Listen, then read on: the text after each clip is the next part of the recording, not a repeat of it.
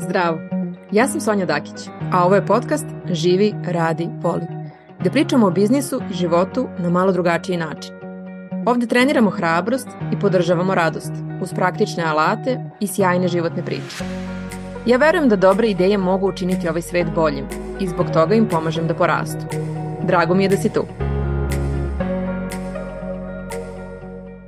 Još jedan lepi razgovor i danas je tu sa mnom moja prijateljica Mila i razlog zašto sam zvala Milu, pored toga što ona trenutno ovako ima jedan otvoren poziv koji je jako koristan, jeste što vremenom smo shvatila da je Mila dođe kao predsoblje za ono što ja radim i da mnoge žene koje mene kontaktiraju, meni mnogo znači da imam gde da ih uputim, kada nisu sigurne šta hoće da rade, da, da upravo e, Mila to može da prođe sa njima. Ali ajde da prvo krenemo od toga odakle je Mila krenula pre nekoliko godina, tako da ću ti postaviti Mila prvo ono najizazovnije pitanje, a to je da se ukratko predstaviš, da probaš da nam možda u 4-5 rečenice, ja koliko sam shvatila i ispratila tvoj put, ovo bi bila neka tvoja treća karijera koju, koju radi. Tako sam ja nekako videla kao ovaj, ovaj, kako stvari funkcionišu, tako da da nam otprilike objasniš kako je taj tvoj neki put delovo, to jest izgledao od fakulteta pa od svih projekata koje si radila do jednog posebnog projekta koji si pokrenula i toga gde si danas. Ovaj, pa ćemo onda lagano sve ostalo.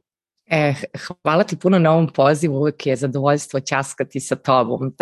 Evo, u četiri, pet rečenica sve ove projekte, to će biti izazovno, ali hajde da se, da se sažmem. Ovako, ja sam završila defektologiju još dok sam studirala, s obzirom da je deficitarno zanimanje, mi smo imali kao absolventi priliku da radimo u specijalnim školama koju sam ja prihvatila i iskoristila. Tako da sam ja već dok sam bila deveti semestar, taj kad sam imala 23 godine, počela da radim u specijalnoj školi i tu se zadržala čitavih šest meseci. Ja moram da naglasim da se meni taj posao dopadao, tu nije ništa bilo sporno i ja sam već sad tada videla da ja neću moći da funkcionišem u tom sistemu. Ja sam došla od 23 godine, znači prilično onako mlada, puna entuzijazma, da nešto stvarno i uradim, jer sam i tokom studija bila na nekim raznim edukacijama iz te čuvene okupacione terapije, koja je veoma značajna za decu koja imaju jedan od tih pervazivnih razvojnih poremeća, to je poremeći spektra autizma, da sad ne zamaram sa tom temom. Tako da sam ja bila vrlo zagrijana za cijelu tu stvar. Međutim, desilo se da sam ja naišla na jedno veliko,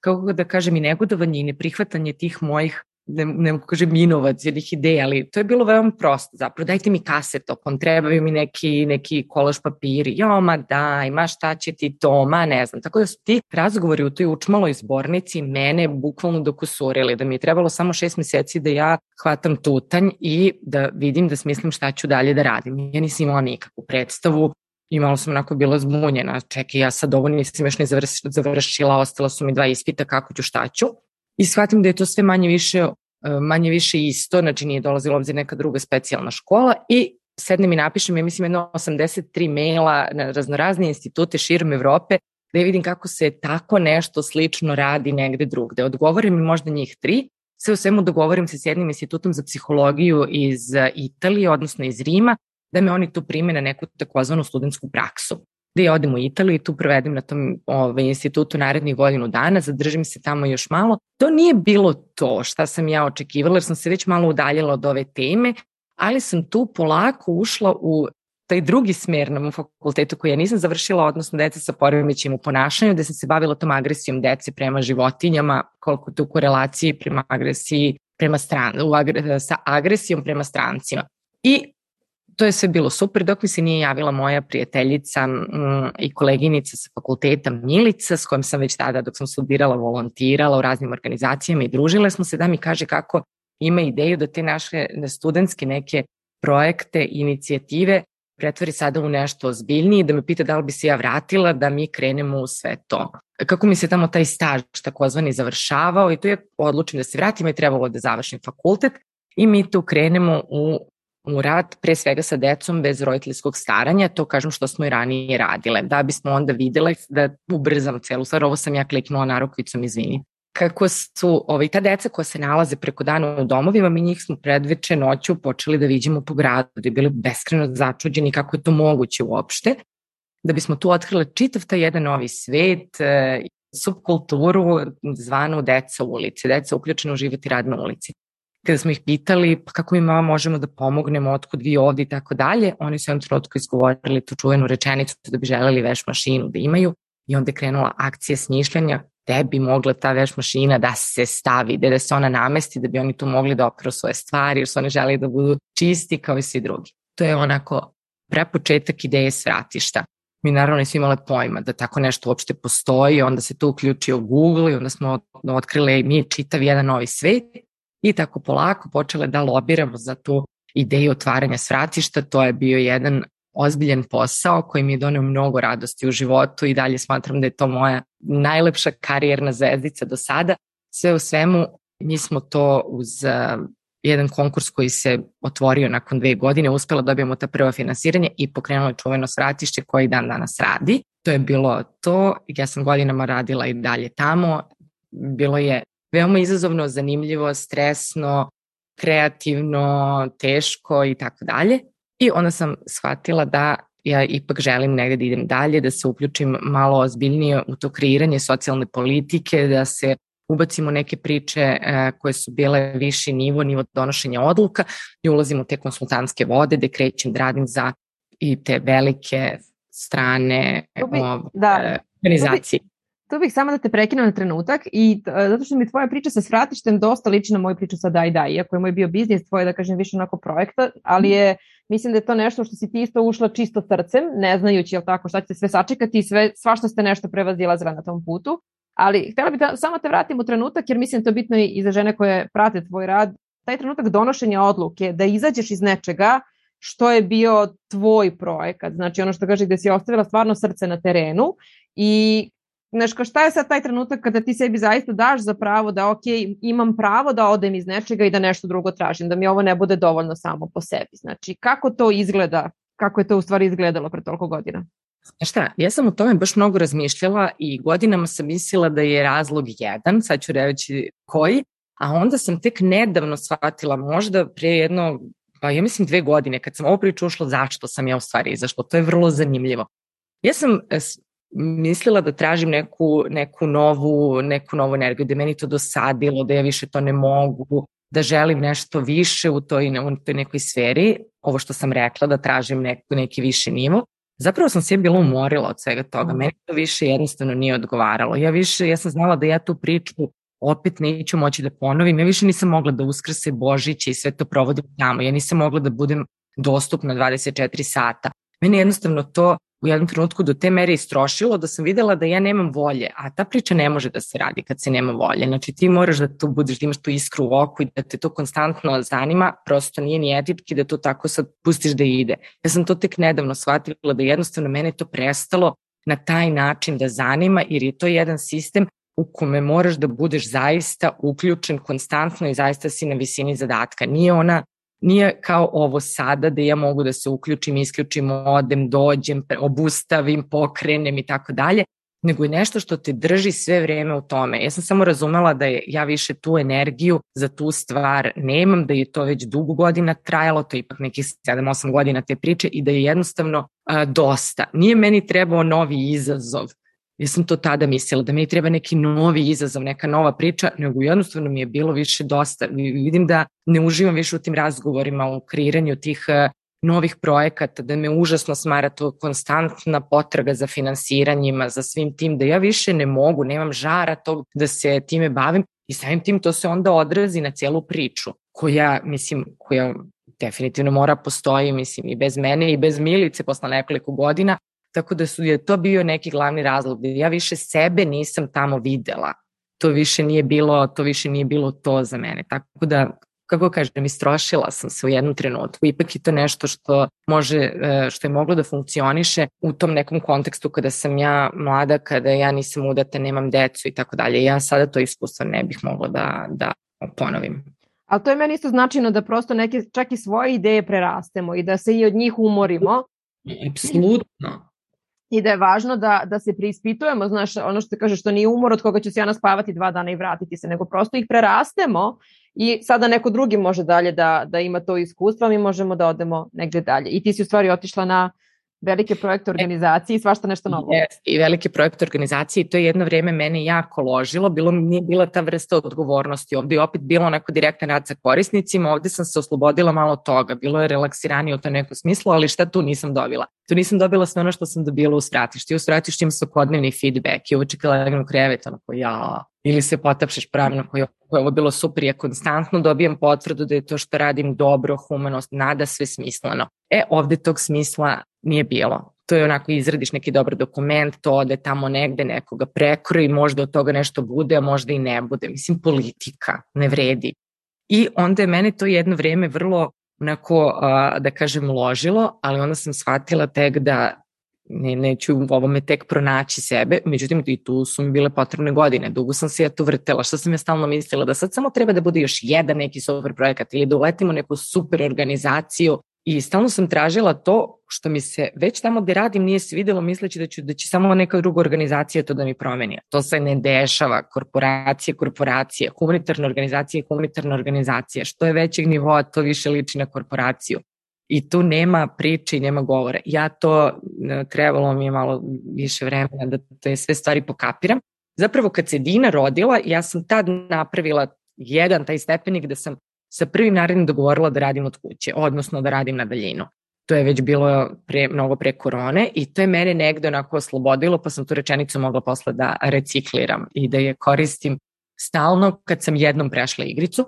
Međutim, tek kad se Bogdan rodio 2018. ja sam razumela da ovu stvar više ne, jednostavno ne, ne želim da radim ni to, ni na taj način. I onda sam se tu našla prezbunjena s onima šta ću ja sad, pa ja samo znam ovo da pričam, da vodim sastanke, da pričam kako nešto važno, da, da lobiram, da pišem projekte, da, mislim, ja sada iz tog settinga, gde ću ja sada? potpuno mi je bilo teško da uopšte ukapiram čime bi se ja to mogla baviti i onda sam tu nekako sama i uz pomoć Google krenula da tražim kao šta ja, kako da promenite karijeru, šta, career change, career shift, tamo i onda iskočio taj čuveni taj čuveni Firework program, gde sam ja kad sam pročitala čime se oni bave, da, da jednostavno imaju taj mentorski program za ljude koji baš žele da promene karijeru i kad sam iščitala sve ono, ja sam samo njima odmah onako stihijski napisala email da ja želim da radim to što oni rade, da sam ja tražila ovo da postanem klijentkinja, ali ja sam sada razumela čitajući upravo u ovom trenutku kako ja mogu da se uključim u vaš tim. To je bukvalno tako bilo. I onda sam dobila odgovor od njih da je to već za ljude koji se time bave, da je ovo kao neka subspecializacija.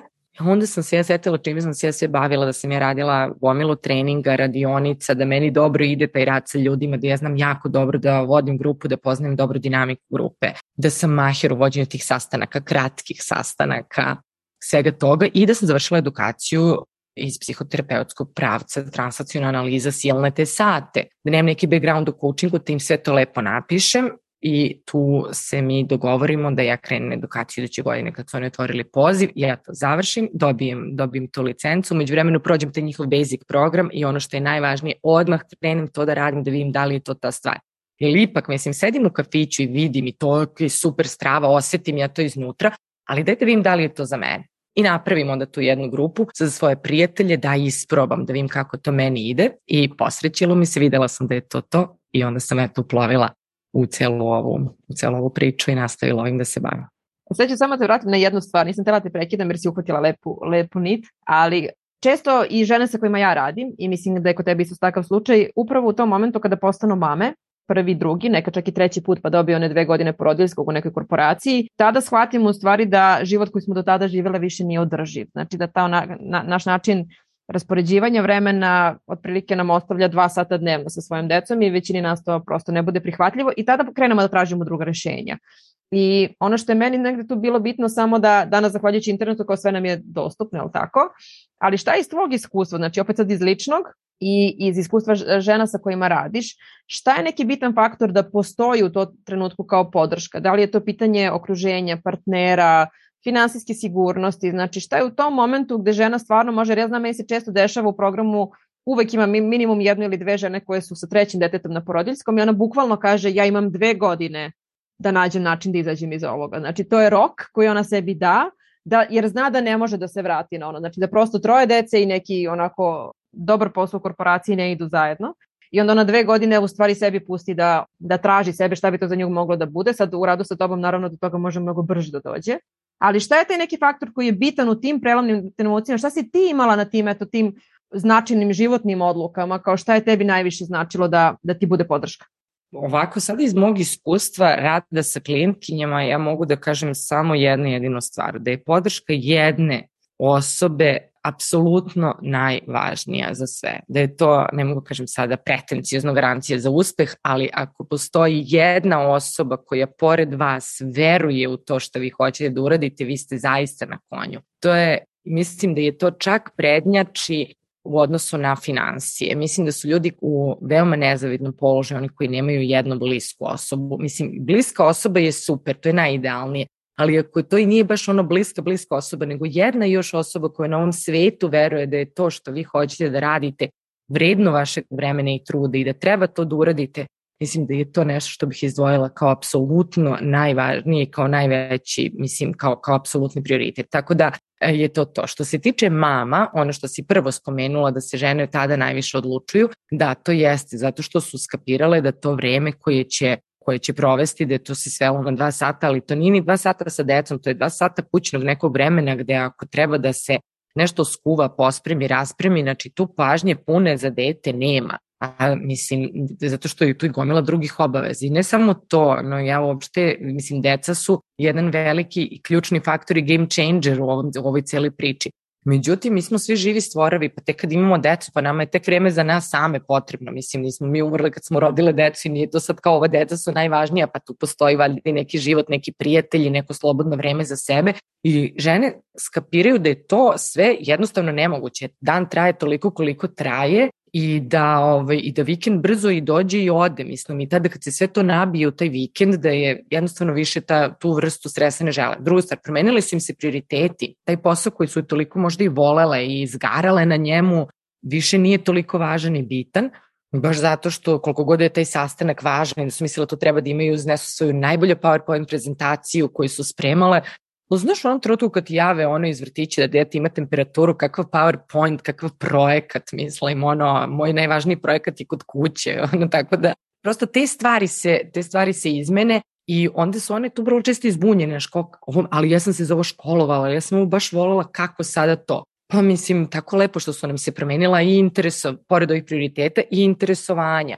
Znaš, mi smo možda vole, gledamo, volim da kažem, onaj seksi grad tada pre 20 godina, ovaj sad ne bljuc, nismo više ti ljudi, nije, nije to više tako interesantno, nešto smo voleli i da smo voleli da izlazimo, što smo voleli da jedemo pre 20 godina, možda nam se sad ukus promenio, tako i ovo interesovanje, pogled onoga čime ćemo se baviti. Tako da, jedna važna osoba, definitivno bih to ovaj, podvukla da je, da je bitno da imaš nekog uz sebe ko može da ti se tu nađe i da veruje u tvoju priču. To je bar, mislim, ja to kažem iz svog ličnog iskustva, a kažem, e, ja sam imala tu sreću da je moj muž zaista bio onako vrlo blagonaklon za sve ove moje vratolomije i da ovaj, kao da, ok, nemoj tako da, s obzirom da je on freelancer, mislim, on nije čovek koji sada radi negde pa ima protiv nego kao ajde, de, mislim, pokazao mi je to da je verovao u ovo, a ja stvarno nisam žela da to prokockam, tako da sam si ja dala u akciju, nisam, o, nisam je to tako baš samo pustila, pa sad može, pa ajde polako, ali je to baš, baš važno i žene sa kojim radim isto ističu da je to prebitna stvar, to i ova naša naravno zajednica na programu gde su se one povezale jedna sa drugom i to je, mislim, win-win. Mislim, pa i to je to vrsta podrške, da nađeš neki krug ljudi koji, koji prolaze istu priču koju ti prolaziš i da možeš na njih da se osloniš. Tako da podrška.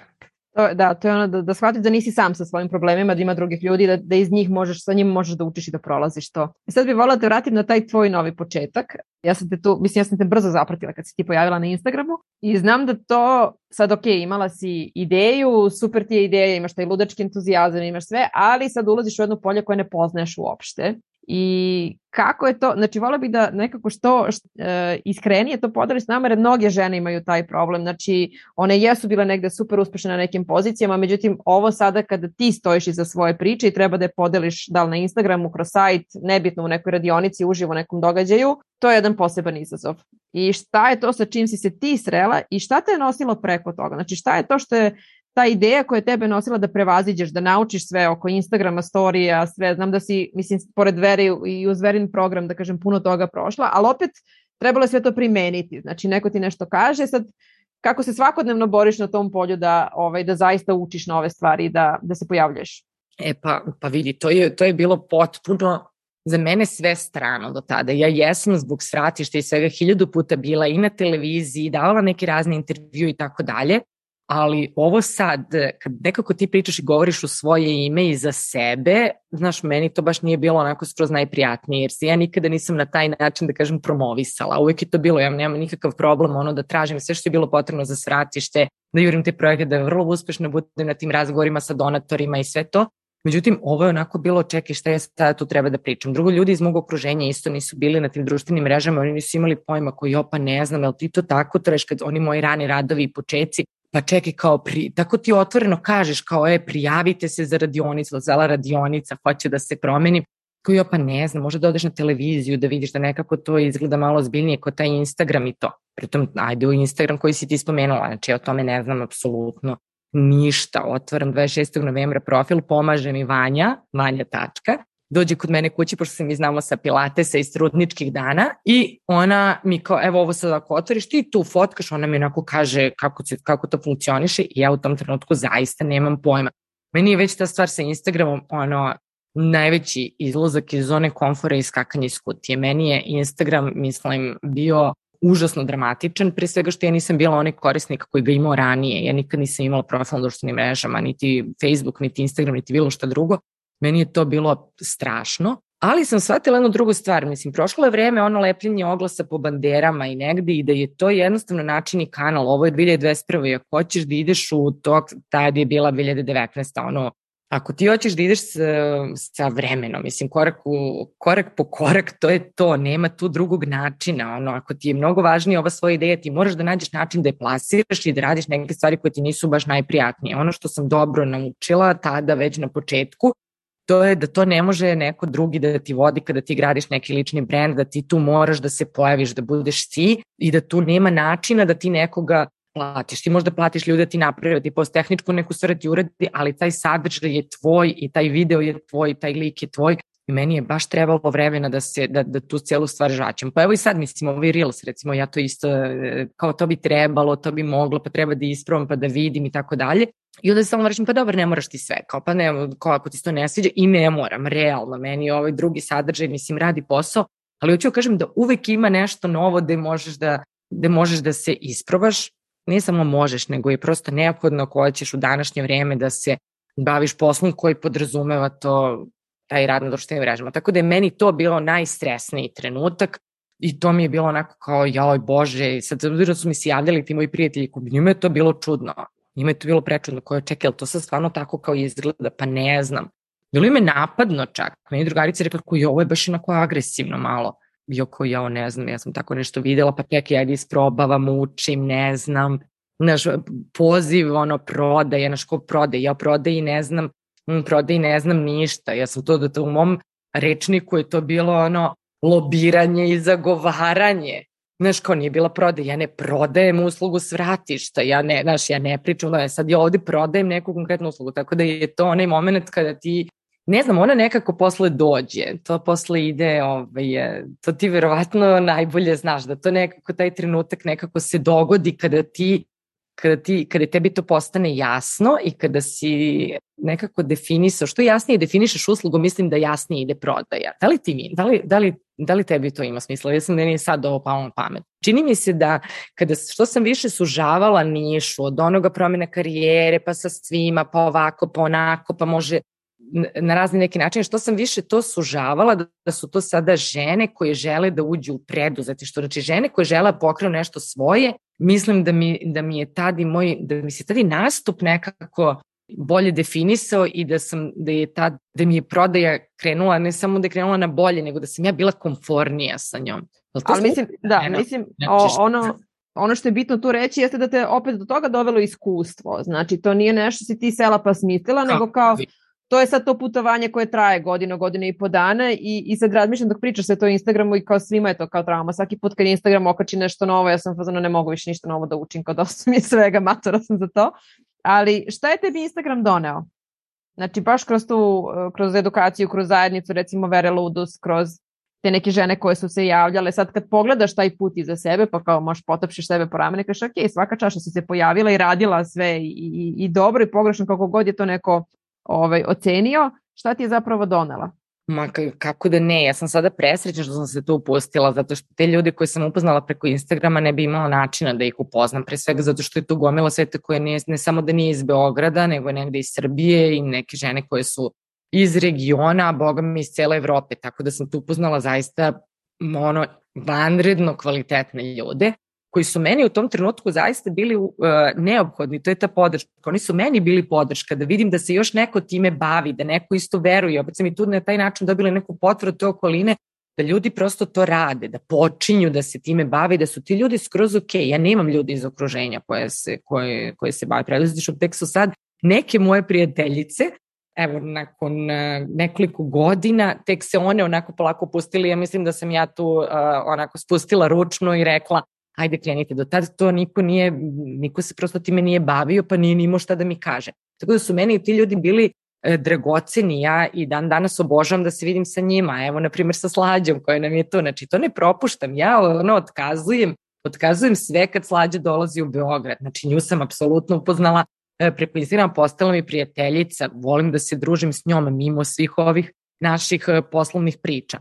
Da ne govorim to, ajde sad za tebe sam još i ranije znala iz svih ovih naših e, priča, socijalnog preduzetništa i svega, ali smo se ovde tako ono povezale. Vera, mislim, prosto neki ljudi koji su jako kvalitetni koje želim da imam u svom životu i ne samo kao edukatori, nego kao prijatelji, kao neku podršku koja je na nekom totalno drugom nivou. Tako da, mislim, i super je stvar kod Instagrama je ovako što ti tu možeš da biraš. To je stvarno, to je jedna, to je jedna neverovatna, mislim, ne samo kod Instagrama, nego u ovom poslu. I sada zaista mogu da biram, ono, to je toko jedno, toliko je prosto follow, unfollow, mislim, toliko je jednostavno da jednostavnije ne može biti. Znači, nema, nemaš potrebu da konzumiraš bilo šta što te uzurpira, uznemirava, ide ti na živce na bilo koji način. Tako da je, ovaj, možeš da filtriraš sam, što ja nigde ranije nisam imala to priliku. Kažem, ja sam najsrećnija što ja sada stvarno mogu pričam stvarno ono što mislim. To je dosta bilo kod svratišta, ali ja sam mi tad naravno morala da vrlo često vodim računa o tome šta izgovaram i da pričam neke, neke određene konstrukcije koje će raditi posao. I okay, to je bilo za te neke više cilje, ali posle u ovim konsultantskim pričama ja nikad do kraja nisam mogla da iznesem, osim u nekom tom užem krugu sa svojim šefovima koji su na sreću bili ono ok, da kažem tačno negde šta mislim i zašto ovo ovako ne treba, nego je to stalno moralo da bude obojeno nekom političkom korektnošću i, i tako dalje. Meni ovde sada super što ja zaista mogu da kažem ono što mislim i da mi je, da mi je to potpuno ok, da sam nekako svoj na svom. Juče reče Ljilja Bunjac, ona, ono mlavo, da ona kraljica, ona iz sebe, ona na svom, ono, tronu, znaš, sedi, e to je to što si nekako, ta, ta sloboda više nije ni sloboda ni vremena, ni svega, nego onako da da kreiraš iz duše i da je to sad naći će put do onome kome to treba ili kome se to sviđa. Meni je to recimo sjajna stvar. Što znaš, možeš da budeš ono što jesi, to je baš ovaj, e, to je baš oslobađajuće. Jeste, to, to, to je... Instagram, to mi je donio Instagram, najviše. Da.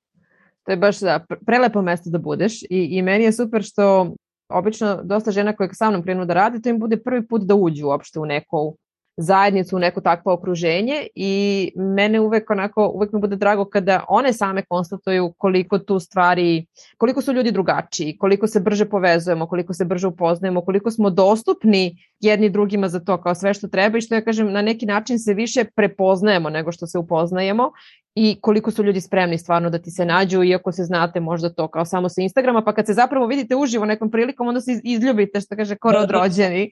Jer yes. kao znamo se već ta, tako sam reći. Yes. Tako da mislim da ta preduzetnička zajednica, okruženje jako dobro i tu stvarno jesu ljudi. Ja znam kad je Bilja Fitaki, kad je ona meni rekla, pošto ona to kao prede na fakultetu i to je te neki akademski, onako, ono, jedno akademsko okruženje, kao to je vrlo specifično.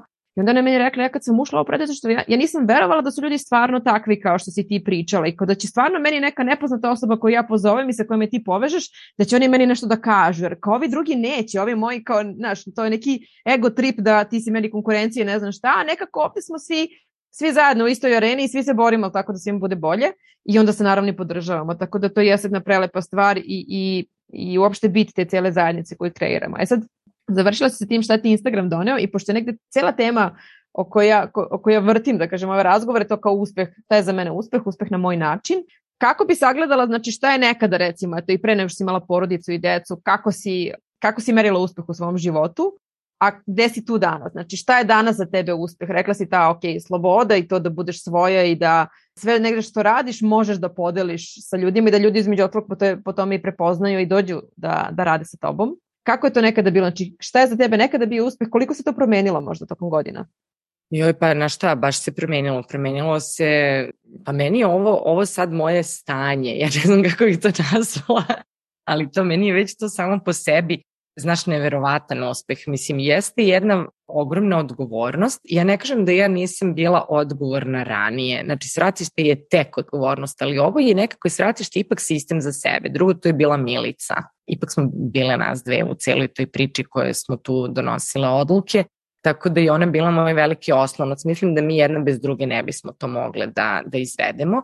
E, ovo je sada priča da sam ja solo player, znaš, nekako je to, to ta nekako odgovornost se popela na taj visoki nivo za mene, jer do sad, do sad nikada nisam bila ovakvoj nekoj ovaj, varijanti, tako da mislim da mi je, da je to za mene veliki uspeh što sam ja videla da ja to mogu i i da to funkcioniše, znaš, da to nije neka stvar ono kao joj pa kako ću, pa kako ću, pa kako ću ono.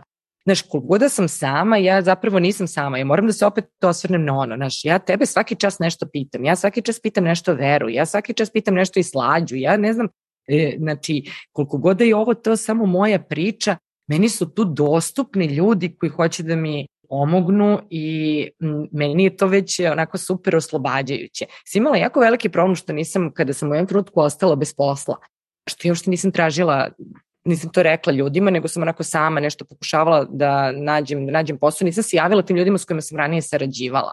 Znaš, da bi oni, kod jednom trenutku kad sam bila bukvalno ono saterena u ćošak, dva, tri maila kad sam napisala, ženo bre što ne rečete ti ovo, ono ko mi mislili ti prezauzeta, ti tamo, ti ono što svi rade, niko neće o tebi da misli, ko ne misli, znaš, nisi ti nekome u glavi da dolaze ljudi da ti nude, da li ti treba posao, da li ovako, da li onako, nego prosto ljudi su, ali su voljni da pomognu i mene je to potpuno potpuno iznenadilo. Ja sada naučena tim lekcijama, ono, ja sada drugačije ovde funkcionišem. Kad vidim da nešto ne znam, da nešto ne mogu, da li što se tiče tehničkih stvari, da li što se tiče samog programa, ja prosto tražim ta, tražim ta rešenja. Ja mislim da žene najviše plaši to ko ja ne znam ovo. Joj, da šta ja sve nisam znala. Mislim da ja, to je mnogo više stvari nisam znala. Ja sam samo znala da ovo želim, ali evo počeo od tog Instagrama, preko toga kako se organizuje neki program, šta sve tu treba do otvaranja i firmi svega, pa mislim i tek, i tek dolaze, evo i sad oko ovog novog programa, tek dolaze stvari koje učim. I mislim da je to neka ta i čar svega ovoga što u tom smislu nikad nije dosadno. A iz druge strane, naš, delegiraš, brate, mili, čim možeš sve ono šta ti bar toga sad ima ovi virtualni asistenti, uh, meni je to sjajna stvar što se to pojavilo kao zanimanje novo, da ti gomilu stvari možeš da prebaciš i da se na taj način rasteretiš, oslobodiš sebi vreme da nema potrebe sve da učiš. Ovo što ti rekla, neću da učim sve novo, isto tako da neću da učim nove stvari. Ima nekih stvari koje moram, ali ne moram. Nisi sam, nisi sama, ima, ima tu ljudi i eto, uspeh bi bio taj što sam preuzela tu zaista odgovornosti kao je, pokrenut ću ovo. Druga stvar, ja sam razmišljala šta na kraju može da se desi može ovo da iz nekog razloga ne uspe. Iz ne znam kog razloga, eto da se trudim da radim, da to da jednostavno ljudi možda za ovu ideju nisu zainteresovani. Sad ti to znaš kako to ide, mislim, vjerojatno radite to ispitinje tržišta, da li je ovo tvoja ideja, da li to nekom potrebno. I onda kad sam znaš u tim razmišljanjima, nije meni bilo baš tu pravo i onako mi se zgrči stoma kao joj, pa baš ne bi valjalo da mi ovo, da mi ovo ne ide. Ali znaš kako ovo moje prethodno iskustvo je zaovek ostaje sa mnom. Mislim, znaš, ja sve ovo iz ova prava i zaštita deci i projekti i ceo taj moj CV napunjen svim tim i moje znanje i moje iskustvo, to zaovek ostaje sa mnom. Pa mislim ništa, opet ću da otvorim, neću propasti od gladi, otvorit ću opet taj infostud, napisat ću mail tim istim ljudima, pa ću se vratiti u ovu industriju ako to bude došlo do toga, zato što ja kad ramišljam ako ne uspem, ja sam samo došla do toga da je to finansijski krah i kolaps svega, pa ću morati se vratiti, ali vratit ću se u ovo staro, pa neće kruna z glave da mi spadne, mislim, znaš, nije to, ali prosto bi me kopkalo da ovo ne probam. Druga stvar, ja, e, svako ko nije, bar ove sada žene koje ja sam upoznala, ne samo da su moje klijente, za njih je još rano, jer ja sam tek krenula da radim s njima, pokrenule su one, ali još nisu prošle te svoje čuvene tri godine. Ali ja mislim, znaš, da go, kogod je bio toliko fleksibilan, da uvidi da nešto ne radi posao i da se okrene, da proba nešto drugo, znaš, ne mogu da kažem da ne može da se propadne, ali ne znam, evo ti mi reci, ali meni to sada sve manje i manje u glavi. Ja prosto sada više u propast ne verujem. Znaš, ono kada ono, ako propadnem, jel da? To ti je super, da. Pa. Čini da uvijek ima nešto, evo sada ove tvoje žene već su uveliko, znaš, da, da ti promeniš način, promeniš nešto, možda ta tvoja ideja, znaš, da sam se ja držala samo ovoga, možda to stvarno ne bi išlo. Onda čekaj, znači, treba, gde sam ja najbolja, se okrenem ja kao ovim ženama, mamama, preduzetnici, znaš, ajde to zato što ja mogu s njima da se poistovetim, to je moje lično iskustvo. Sam vrlo otvorena na, na mentorskom programu, ja baš puno delim nekih svojih ličnih stvari i vidim da to ženama jako znači. Znaš, ono, okreni se, onda promeni neku taktiku, nešto, pita i druge ljude, kako ja tebe ono pitam, ono za sve živo, znaš, ko, čekaj, ovo nešto ne ide mi, znaš, da prosto, ne znam, propast nije opcija. Ali mislim da to upravo kad se zakačiš za pravu ideju, e onda ta fleksibilnost i u stvari ta tvoja vera koja će te pre, prevesti preko svega, znači naći ćeš rešenje. Ja sam, ja recimo sam shvatila da je meni taj način implementiranja zapravo iz porodice matične i osvestila sam ga sa 30 i nešto godina. Ja sam mislila da svi ljudi tako razmišljaju, ali sam onda shvatila da to masa ljudi dolazi da priča sa mnom zato što ću ja naći rešenja, što je moj mozak usmeren tako da aha, neke kompleksne koncepte pojednostavi i da ti otvorim više mogućnosti. Mislim da je to samo problem kada i pričamo sad, ne znam, i o poslu, i o postavljanju ciljeva, i o bilo čemu, mi se zakucamo na jednom putu i ti si to sad koliko već radiš, godinu i po dana bliže dve. Sad je dve, pa dve, dve godine. Da.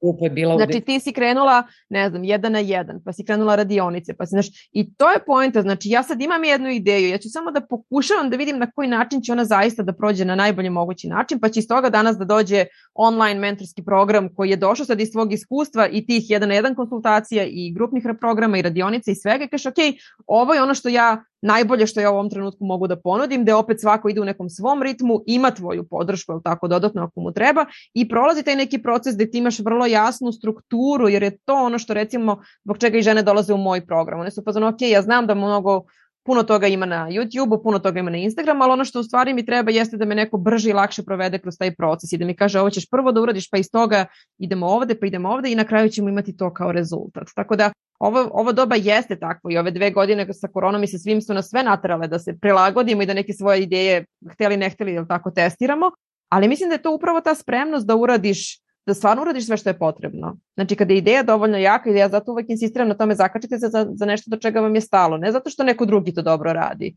ne, do čega je meni iskreno stalo što ja verujem da može da donese neki boljitak, onda smo spremni da tražimo taj, taj da uradimo taj ekstra ono korak da ovaj da zaista. I to je proces tog traženja kanala, znaš, ti kad imaš ideju, znaš, ono, probaš s ovim, probaš s onim, to sad tražiš taj kanal, kako će to najbolje doći do ljudi i na koji način će oni to najbolje moći da konzumiraju. Ali ja to nisam znala na početku, mislim, ja to, to nije imalo šanse. Zato je meni, znaš, ono, kad mi nekad neko pita i kad pričam o ovome, e, kaži mi konkretno šta, ja reč konkretno sam počela da hejtujem.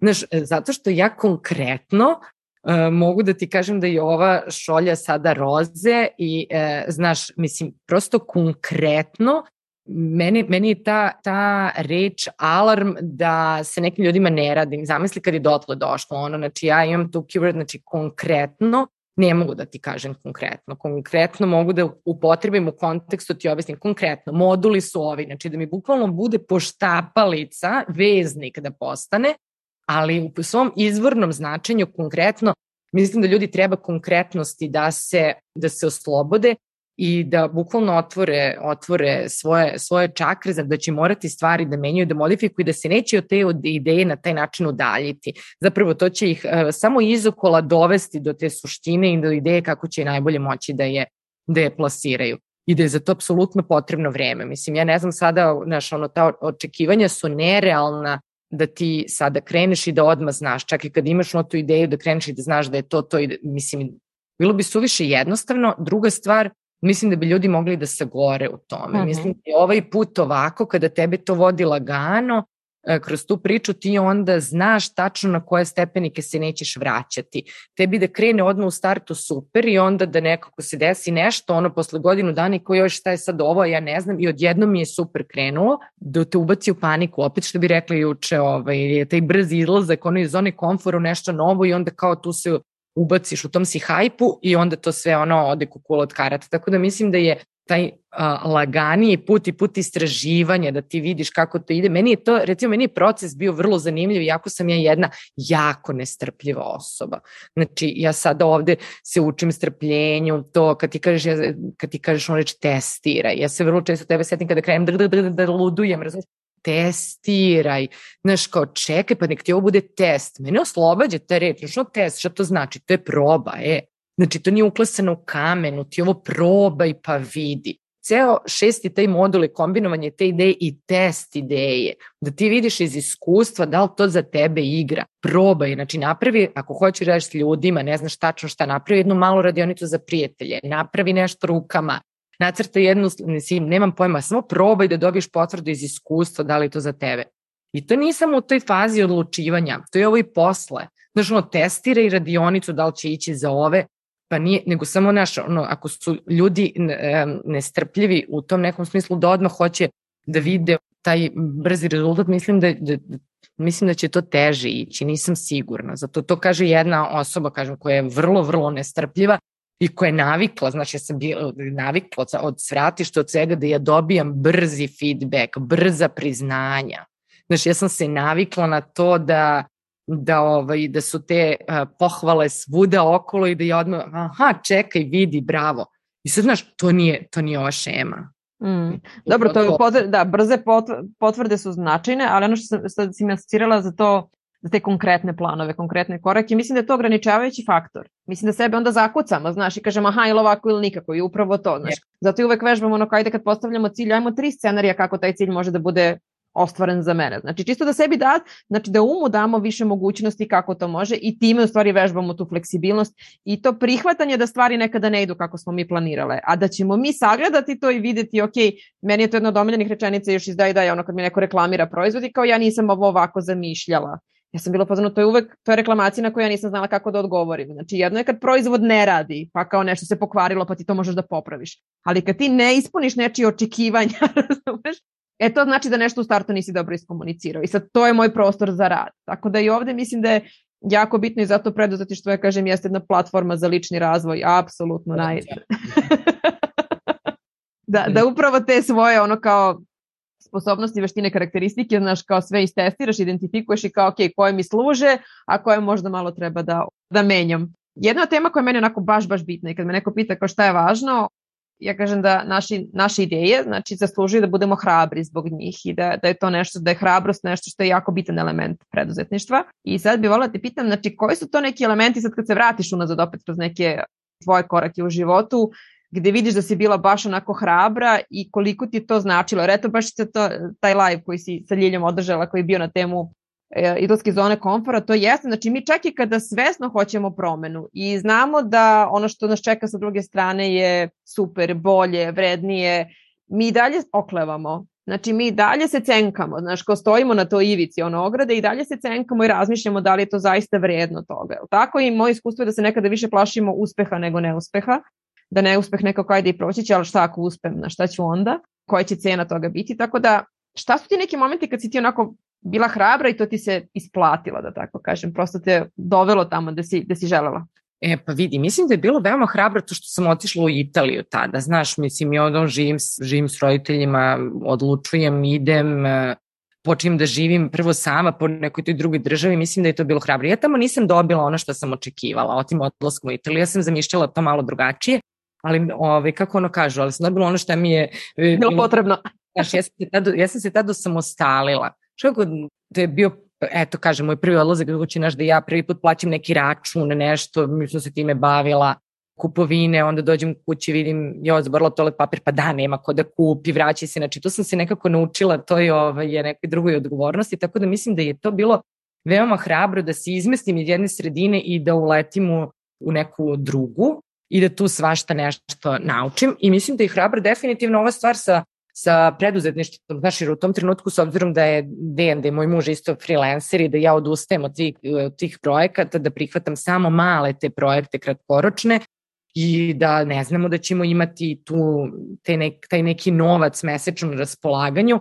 E, mislim da je to bilo hrabro, ali je bilo koliko je moglo da bude promišljeno. Nismo znali, nismo računali na koronu, to nas je poremetilo ali smo bili spremni znaš, da se odreknemo nekih stvari. Ako ćemo živjeti samo za neko vreme dok ja ovo pokrećem od njega, od e, novca koji on zaradi, nismo bili spremni na ta odricanja. Znaš da je to, to je nekako i meni isto neka vrsta naš hrabrosti da ti kaš pa da dobro mislim, ono ne mora ovo sada da bude, nije to neka ni skromnost, nego naš hrabrost da se da sada sebi upriličiš neki drugačiji stil života i da se svedeš na to ono šta nam je ono najvažnije i sa koliko minimum novca mi možemo da živimo da smo zadovoljni.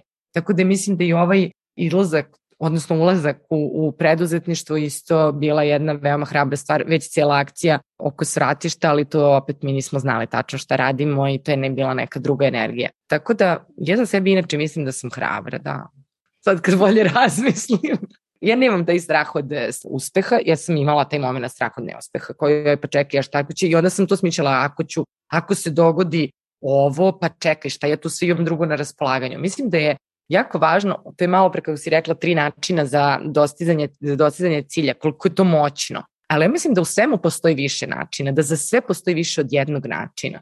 Znaš, evo sada ovo da nam crkne ovo sada, da uključimo live, ono, pa krenemo na live, pa snimimo ovo, pa mislim, ne znam, video ko, znaš ono, za, ne, za neke najbanalnije stvari da uvek ima više jednog načina i da neće sad možda da bude onaj najidealniji, Ali znaš da nije smak sveta, ovde ljudi nisu došli da gledaju ovu moju frizuru i kosu što čačkam, nego znaš da slučuju šta imaš i ti da im kažeš šta imam ja da im kažem, tako da nekako ne znam, znaš, da sad kao ti načini su suština i to je, i meni su oni zanimljivi zapravo. Ja, mene to ne, mene to ne uznemirava. Znaš, i mislim da ljudi kad, kad to skapiraju, da, ovaj, da onda ceo svet njihov, zato što ti tu samo ti iskaču neke opcije. Pa onda svakako si mirniji, znaš, jer onda ne upadaš u ta stanja panike, ne znam kako ću, šta ću to jeste, to, to se vežba. Mislim, ja sam ga barem vežbala godinama, što kaže da, ovaj, da dođeš dotle, da, da prihvatiš. I mene kad neko pita to kao kako ti, ne znam, radiš ovo, kako ja kažem, ja radim tako, tako i tako, ali meni je tako lakše zato što ja znam određene, baš me skoro drugari, ovaj, žene iz programa, kao, ej, pa znaš, kao može u Canvi da se ubaci, ne znam,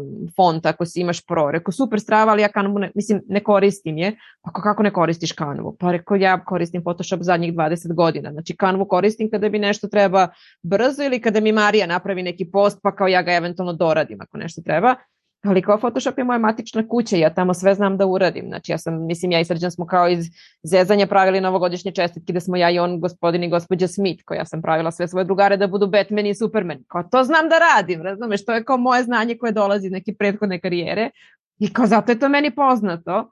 Tako da to što meni nešto radi ne znači da će raditi isto tebi, ali prosto pusti se u iskustvo da istražiš šta je za tebe moment. E sad hoću da, da, da se osvrnemo na to gde si danas, šta radiš danas, znači ti si sad trenutno u kampanji za svoj prvi online program i, i pošto smo i zajedno i pričali, malo radile na tome, znam, znam šta sve sadrži i kažem ja, meni je upek zadovoljstvo kad me neko tako se javi i kao razmišlja ovo ono, onda ja kažem evo imate kod Mila i besplatan i book, imate i ovaj sadržaj i onaj sadržaj, proverite pa kao ajde, kada dođete onda do ideje dođete do mene. To gde si ti sada, je opet jedan veliki novi korak za tebe. Način, to se pokazalo i zbog korona i zbog svega i kao prilika da radiš sa ženama koje nisu samo, ne znam, iz Srbije, nego su i šire iz regiona, iz inostranstva i slično kao i sa mojim programom. Šta je tačno ono ili kako bih opisala možda sa čim žene najčešće dolaze, znači iz koje situacije najčešće dolaze kod tebe i taj rad sa tobom donosi. Znači, taj, jer to je ono što ja kažem, ja to ne radim s ljudima, iako ja u programu prolazim i neko postavljanje ciljeva i to neko i rad na vrednostima, sve to, ali šta je zaista ono zbog čega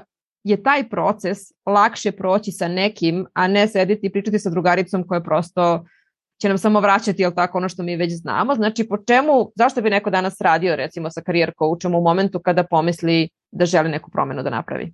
Pa, e, pre svega one žene koje se meni javljaju znaju i osjećaju da ovo što sada rade, to su najčešće korporacije ili neke državne institucije ili svakako neki sistemi znaju da ih to guši, ne vide taj smisao, čuveni, ne dobiju nikakva priznanja koje bi one očekivala da, da dobiju ili za svoj rad. Ono, njih koji su, ima mnogo njih koje su vrlo posvećene, ali jednostavno uh, su na pogrešnom mestu sa tom svojom ekspertizom koju imaju i ne dobiju te kvalitetan feedback. Plaše se, žele nešto, ali nisu do kraja ovaj, sigurne da li je to baš za njih, da li kako će se one tu snaći, sve ovo o čemu smo, čemu smo razgovarale. I jednostavno taj moment kada postanu mame, definitivno, mislim, sad si sa nekim i ti imala prilike da razgovaraš, to je to kada su na porodiljskom, gde tada im se otvara čitav jedan novi svet i da žele da nešto drugačije promene. Znači, već im je, već se osjećaju onako potpuno učmalo u toj nekoj sredini, dugi niz godina su tamo, ne mogu više ni te kularske priče i tračeraje iz, iz tih firmi u kojima rade, ne mogu tu vrstu stresa, žele to neko vreme za sebe, besmisleno sve ove reči koje vrtimo, to je sve jedan onako sklop, a nemaju pojma šta bi to bilo. One žele da rade nešto drugačije, znači one ne traže opet i neki drugi posao i ne nadaju se više, to je nekada je drugačija, neka druga korporacija. One zapravo žele da pokrenu nešto sve, ali nemaju pojma, one nisu sigurne šta one znaju. Ovo isto kao što, što sam pričala o sebi. Znaš, ko šta ja znam, ja znam da pišem projekte, zašto će mi to sada, pa neću ja ovdje. Znaš, ko ja znam, ne znam sad, koji sastanak ja sa im sama radim, znači nemam nemaju pojma šta znaju, odnosno to znanje je svuda tu negde, ali ni nekako sistematizovano, nije, nisu sigurne da je to ili imaju utisak da nemaju pojma ništa. Tako da one dolaze poprilično zbunjene, imaju možda u naznakama neku ideju, znaju naravno da nešto od prilike vole, pa ja volim kao eto biljke su mi zanimljive ili ne znam, ili volim neke filmove da pogledam, ali nemaju nikako tu neku jasnu ideju šta bi se moglo pretvoriti u posao. Tako da one na programu, počeo od tog sad kako je koncipirano online će biti sedam tih nastavljenih modula, ali je isto tako bilo ovo i do sad kad smo radili uživo, znači imaju module gde je taj prvi o meni, istraživanje o svemu onome šta si, ko si ti sada, šta si bila, šta je to dobro iz prošlosti, šta kopiramo u ovo, šta odbacujemo, šta nam više ne treba, ali taj i boost samopouzdanja. Onda krećemo od tih e, vrednosti i svrhe preko interesovanja, šta vas sada interesuje, o tome smo isto pričale, motivacije, koja je vaša motivacija, osim novca, ok, koji je motivator jer je potreban, ali je vrlo kratkoročan i ništa ne znači, ja sam imala i taj slučaj, sve u trenutku zarađivala mnogo para i dalje bilo kao bez veze koji izduvam balon, tako da radimo tu na toj motivaciji, zamišljamo idealan život i kako posao da uklopimo u njega, a ne obrnuto, kako ja hoću pre svega da živim, jer mislim da je to suština. Ja ne mogu, ja neću da imam prodavnicu malo, jer je moj plan da za nekoliko godina ne radim nikada u julu i avgustu, ali ništa. Znači ja ne mogu da imam nikada prodavničicu jer ta ne može da postoji bez mene uživo mala prodavnica, pošto sam i te neke ideje imala u glavi, onda kao li ne, ti nećeš tu da budi, ja volim da sam mobilan tip. Tako da je e, posle toga idemo na taj deo znanjima i veštinama, šta ja sve znam i umem, a da volim da koristim, jer je to suština. Ono, mi svašta nešto znamo, ali kao nismo baš raspoloženi da se time, da se time bavimo. I onda dolazimo od tog najzanimljivijeg dela, to kombinovanje sektora, gde sve te stvari se onako kombinuju, da li one imaju smisla da postanu jedna ideja, kako bismo isprobali, napravili taj plan, ne plan, prvo je trenutna realnost, sagledali gde smo mi sada, kako to za nas može da funkcioniše, šta nam sve tu treba, da premostimo, znači ako mi treba da oslobodim vreme, kako ću da oslobodim vreme i tako dalje, pošto već radim od jutra do sutra, I onda pravimo plan akcije sa rokovima, koji nije biznis plan, ja se time ne bavim, to se baviš ti sa njim rada. Znači ovo je plan akcije sa rokovima, znači to je taj plan za period tranzicije, ja sam ga nekako tako nazvala. Znači napravi jasan plan, ono, to vreme zvati bake i deke pokužati koji ima tu sreću da se dogovore ili ne znam, ustajati rani. Mislim, onako neki plan za taj tranzicijni period, šta sve tu treba da se uradi dok uh, ta ide, to je plan je pozvati Sonju, pozvati Veru, govoriti, znači kad isprobaš onda se prijaviti za neku smislenu dodatnu edukaciju kada znaš tačno što hoćeš, ne upisivati stihijski kurs što je, o digitalnom marketingu, to mi je omiljeno. Ja ću sada da upišem kurs o digitalnom marketingu. Ne, neću. Koji, šta to znači? Ja da me sada ubiješ, šta je digitalni marketing? Čekaj, čekaj, jel ti to treba? Stani. Ne. Tako da kada znaš tačno šta i kako, onda kreni negde konkretno da se time baviš. Tako da je otprilike to. I sad najveća vrednost. Ti si me ovde i pitala šta mene da se meni najviše ovom poslu sviđa, to je, mislim, ovi ljudi koji poznajem kao svoje kolege i saradnike i moji klijenti, to posao je prilično usamljenički. Mm. Znači, ja tu po ceo dan nešto radim, ja sad sednem u kafić, pa malo sam kod kuće, pa ne znam, odem negde kad je lepo vreme napolju, ali je meni ta moja zajednica koju sam kreirala i te žene sa kojima svakodnevno komuniciram, da li u DM-u, da li na tom Slacku, toj platformi, meni je to super, pratim njihov taj progres, ono, dam, dobacim neki savet, pitaju me i dalje za mišljenje, meni je to sve zabavno, mene to ne smara, meni je to super i to mi je najbolje u celoj toj priči, posebno kad vidim da to nekako živi bez mene, znaš, ja se uključim neki dan, tek uveče pogledam šta ima ili sutrada na tom Slacku, a one jedna drugoj svašta tu rekle, ovaj, skomunicirale, rešile neki, neke probleme koje su imale tehničke, za nek, šta, šta već koja sada radi. Tako da je meni ta zajednica potpuno super, posebno u kontekstu ovog posla i mnogo sam na nju ponosna što se ona desila jer je to zapravo ta kockica koja nedostajala, jer se je navikla da budem sa ljudima. Znaš, ja yes. sam čovjek, ja volim puno pričam, ko što ste vidi, ja znaš, volim da časkam, volim da razmenjujem i onda je ta zajednica i vi svi, meni je to sad onako taman. Jeste, jeste i to je ono što kažem ljudi prepoznaju i tačno se okupe po sličnim vrednostima načinu razmišljanja i zato se jako lako, ovaj, lako, jako lako povežu. Ja kažem, meni je to najteži možda način da e, iskomuniciram to kao vrednost programa jer je mnogo lakše drugi da pričaju o tom delu šta je to njima značilo, jer to nekada ljudi ne mogu da shvate posebno, vrlo lepo si rekla, preduzetništvo jeste usamljenički onako posao i često se mi tu u stvari zaglavimo zato što ne iskomuniciramo sa nekim gde smo, šta smo, znaš, kao kako se osjećam trenutno kroz šta prolazim, onda kažeš, ej, pa ja sam imala to isto i vidiš, onda sam to, to, to, i onda shvatiš, aha, pa nisam sama, nisam jedina, znaš, nisam pokvarena, znaš, nemam pokvaren deo. Ovo, i tako da.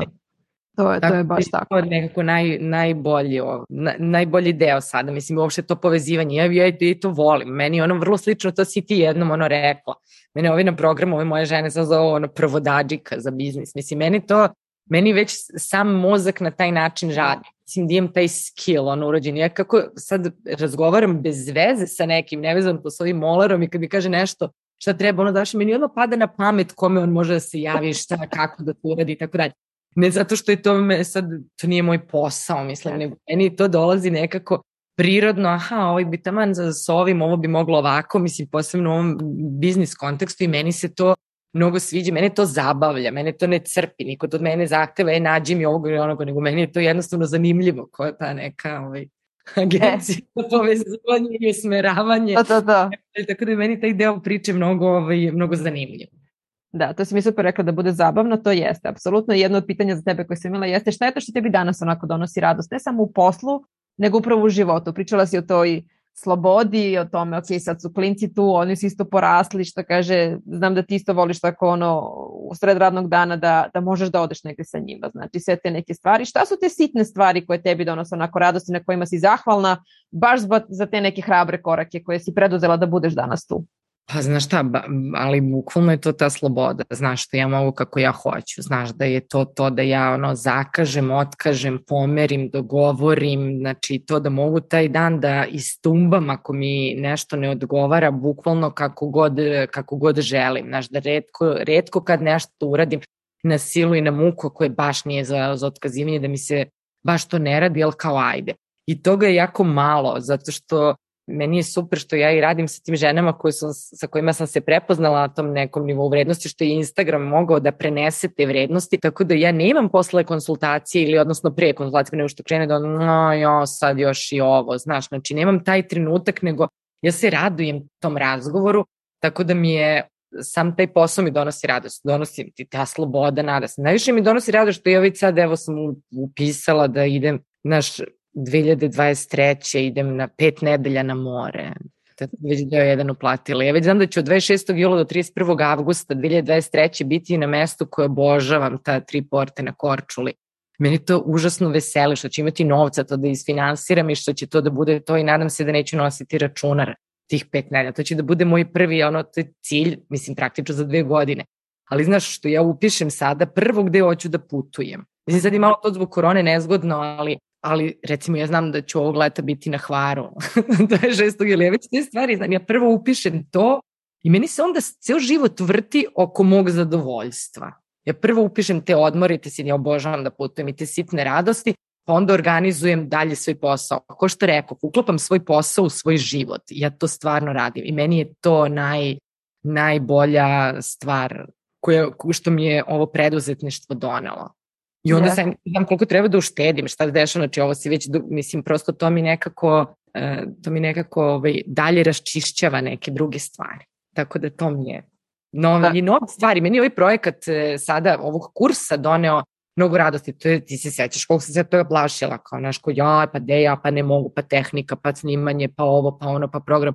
I znaš kogod je to prošlo, pa daj, pa nije to teško, sedi, ne mogu, smara me, ne umem, probavam tri, četiri puta, vidim, ne ide, imamo verziju prema tome, dok se nisam sad udružila sa Verom, sa ovom njenom produkcijom i svim ovim da to izvedemo i ja sam svašta ovde naučila. Meni je to baš bilo onako problematično, a želela sam to zato što hoću, druga, hoću da organ, reorganizujem opet kao što to obično biva, ovaj, u hodu, hoću sada da probam i ovo, da vidim, onda ću da vidim kako će to da izgleda uživo sa kojim ljudima, znači pravim neku ovaj premetačinu i sad se i tome neizmjerno radujem, ali mi je to opet trebao čovek, znaš, neko ko će da ti pokaže. Ja sam ja nekako volim, mislim super je da ti radiš nešto sami da istražuješ, mislim to je jako lepo ko ima za to i vreme i živce.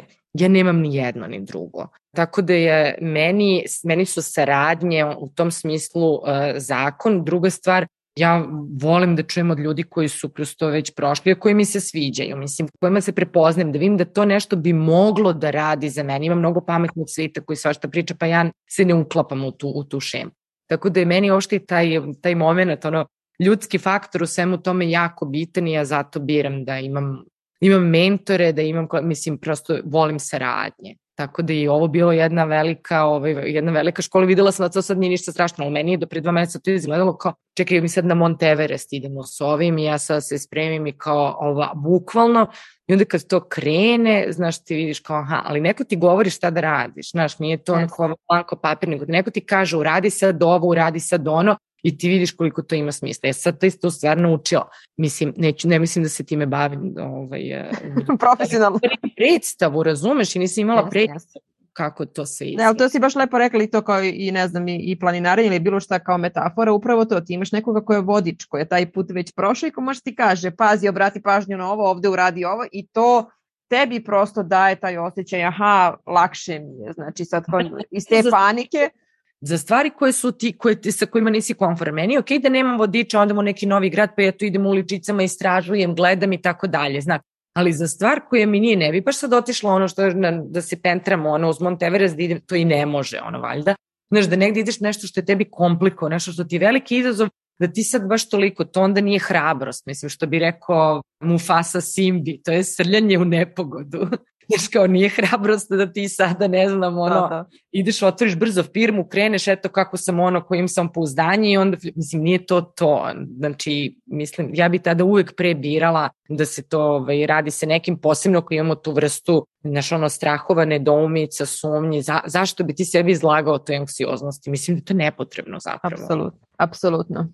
E pa dakle, mi kad budemo snimili i bacili ovaj razgovor, tvoj program je otvoren još par dana, tamo oko nove godine. Mislim da je to super onaj trenutak kada ljudi inače donose neke nove odluke i to može da im bude poklon za novu godinu, oh, da poklone yes. sebi neki novi početak.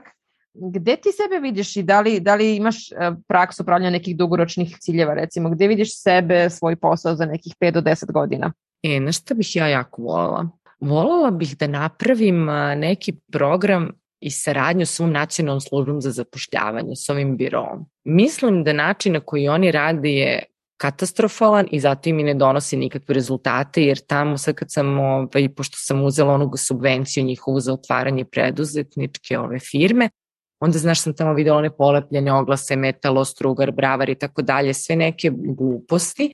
I kada bi oni samo promenili svoj način rada i ljude koji dolaze kod njih, koji mi se javljaju za te prekvalifikacije, ponudili im nešto tipa ovo da otkriju šta je to, da ti ljudi posle i sami ne treba im biro da traže posao, nego da sami otkriju šta je to i da onda oni sami traže te poslove, ne onako stihijski jer ih je muka saterala, nego da se samo malo ozbiljnije u to udube, mislim da bi to bilo onako mnogo bolje za gomilo sveta koji isto tako svašta zna, a misli da ništa ne zna i prihvata eto to da radi ko prodavačica negde zato što mora, tako da bi volala da to bude ne sad možda sad za 10 godina, ali voljela bi svakako da, da nekako ovaj moj program uh, proširim na taj način da ljudi, da bude više dostupan za te neke ljude. Naravno da ja radim svim svojim klijentima koji hoće ovo, ali da se neki obrisi makar e, njegovi nađu tamo negde za ove koji imaju pristup tim ljudima koji neće ni platiti moj program niti bilo šta, ali recimo da to bude tog nekog tipa.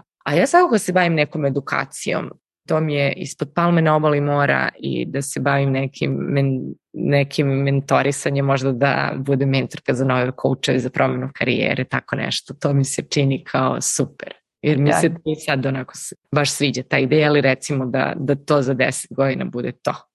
Sjajno, sjajno, dobro. To je, to je baš lepa vizija. Posebno s tem palmom mi se ti morem, to mi se jako sviđa. Da, za kraj, e, da zaokružimo negde našu ovu priču, kada bi ženama, pošto će većinski žene mislim da nas slušaju i gledaju, kada bi trebalo znači, da zamislimo, ok, neki od njih se baš nalaze u toj situaciji, da misle da nemaju izlaza, volele bi bolje ili osjećaju da mogu nešto bolje, ali sad kao ne znam odakle da krenem i kako da to sve, kako da to, to sve sebi postave, šta bi bila neka tvoja onako poruka? Šta bi bilo onako nešto s čime bih voljela da ih ohrabriš? Pa sad da li će da odu na tvoj Instagram nalog i da preuzmu besplatan e-book, da gomilu tvog besplatnog sadržaja konzumiraju da vide, znači, ali šta je to nešto što misliš da onako na prvom koraku najbitnije da znaju? Pa znaš kako, ne moraju ni dodu ni na moj Instagram, ni na sajt, ni nigde, mogu da ono sednu ovaj, u neki kafić fini ili da prošetaju, sad ne znam, zavisi kakvo je vreme i da ponesu jednu svešicu sa sobom i da razmisle šta je njima važno. Šta je tebi važno u životu sada u ovom trenutku. Evo ništa, samo da ispišu, ali ne onako važna mi je porodica, ne opšta mesta, nego sedi, zapiši i zapiši tačno šta ti je tu važno. Znači kod porodice, pa onda kada kažeš porodica to, ili su onda to deca, a šta sa decom, je li to vreme sa decom, a kakvo vreme? Je li to ono vreme, oni ti samo tu pustiš im crtani, a ti si tu, vodiš se prisutno ili ti nešto konkretno radiš. Ajde da se manem u porodici, ne znam. Važni su mi ono prijatelji, važno mi je moje ispunjenje. Znači, napiši šta ti je važno, eto, samo to, šta ti je važno, izdvoj tri do pet najvažnijih stvari i onda vidi šta ćeš dalje sa njima zato što mislim je to čitava suština. Idi ka onome šta je tebi važno, nemoj slušaš ni šta je ovome, šta je moderno, šta je trendi, šta je Sonji važno, šta je Mili važno, znači mani se svega toga, znaš, pusti, idi samo ono zapiši šta je tebi važno i onda će još već na, naći način kako do toga da dođeš, mislim, kada pročitaš, već će ti se mnoge stvari tu razjasniti da li treba potražiš pomoć od nekoga ili kako da se organizuješ, sad tu ima zaista bezbroj i načina i bezbroj nas koji možemo u tome svemu da, da pomognemo. Tako da eto, ako bi to bila jedna stvar, samo kreni od toga šta ti je sada u ovom trenutku važno. I, to. I šta ćeš uraditi sa tim? I šta ćeš uraditi sa tim? Apsolutno, da. To je to. Jasno. Super, Mila. Hvala ti. Ako imaš još nešto si tela, mada smo mislim skoro sve onako negde pokrilo, što je moja neka ideja bila. Hvala ti na vremenu. Za one koji će da sveže da gledaju premijeru, eto, do 5. januara je prvi ciklus za, za Milim program i prilika da zaista se neki novi početak napravi, posle toga u martu možete kod mene na moj program, pa onda ko zna šta će da budu rezultati, da slavimo neke lepe pobede, neke lepe ideje. I kao i uvek ja ću ostaviti dole ispod, ispod našeg snimka i, i linkove do uh, Milinog sajta, svih resursa koje smo negde spominjali, da možete lako da ih nađete. Pišite u komentarima šta je vama negde značilo, šta su neka vaše iskustva. Meni uvek drago kad se jave žene koje su prošle program, pa onda iz svoje pozicije kažu šta je to njima značilo da da te na neke naše pretpostavke i ideje se zapravo nadograde konkretne priče. Tako da hvala ti na ovom vremenu. I... Hvala tebi na pozivu, baš mi je bilo lepo i radujem se da, da neke nove stvari opet isto tako negde ovaj, zajedno radimo i pričamo o njima i stvaramo, tako da vidimo se opet uskoro i hvala svima koji će ovo gledati i podeliti dalje. Pozdrav. Pozdrav. Hvala ti na slušanju. Ako znaš nekoga kome bi ova epizoda dobro došla, prosledi link slobodno. Neka to bude tvoje dobro delo za danas. Ako želiš više da znaš o tome šta ja radim i kako možemo raditi zajedno, poseti moj sajt na adresi www.sonjadakić.com. Na mom Instagram i YouTube kanalu možeš pronaći puno besplatnog sadržaja, a ako imaš neko pitanje koje želiš da prođem u narednoj epizodi ili imaš tu ideju koja ti ne da mira, piši mi. Do sledećeg slušanja želim ti više hrabrosti i radosti u svakom danu.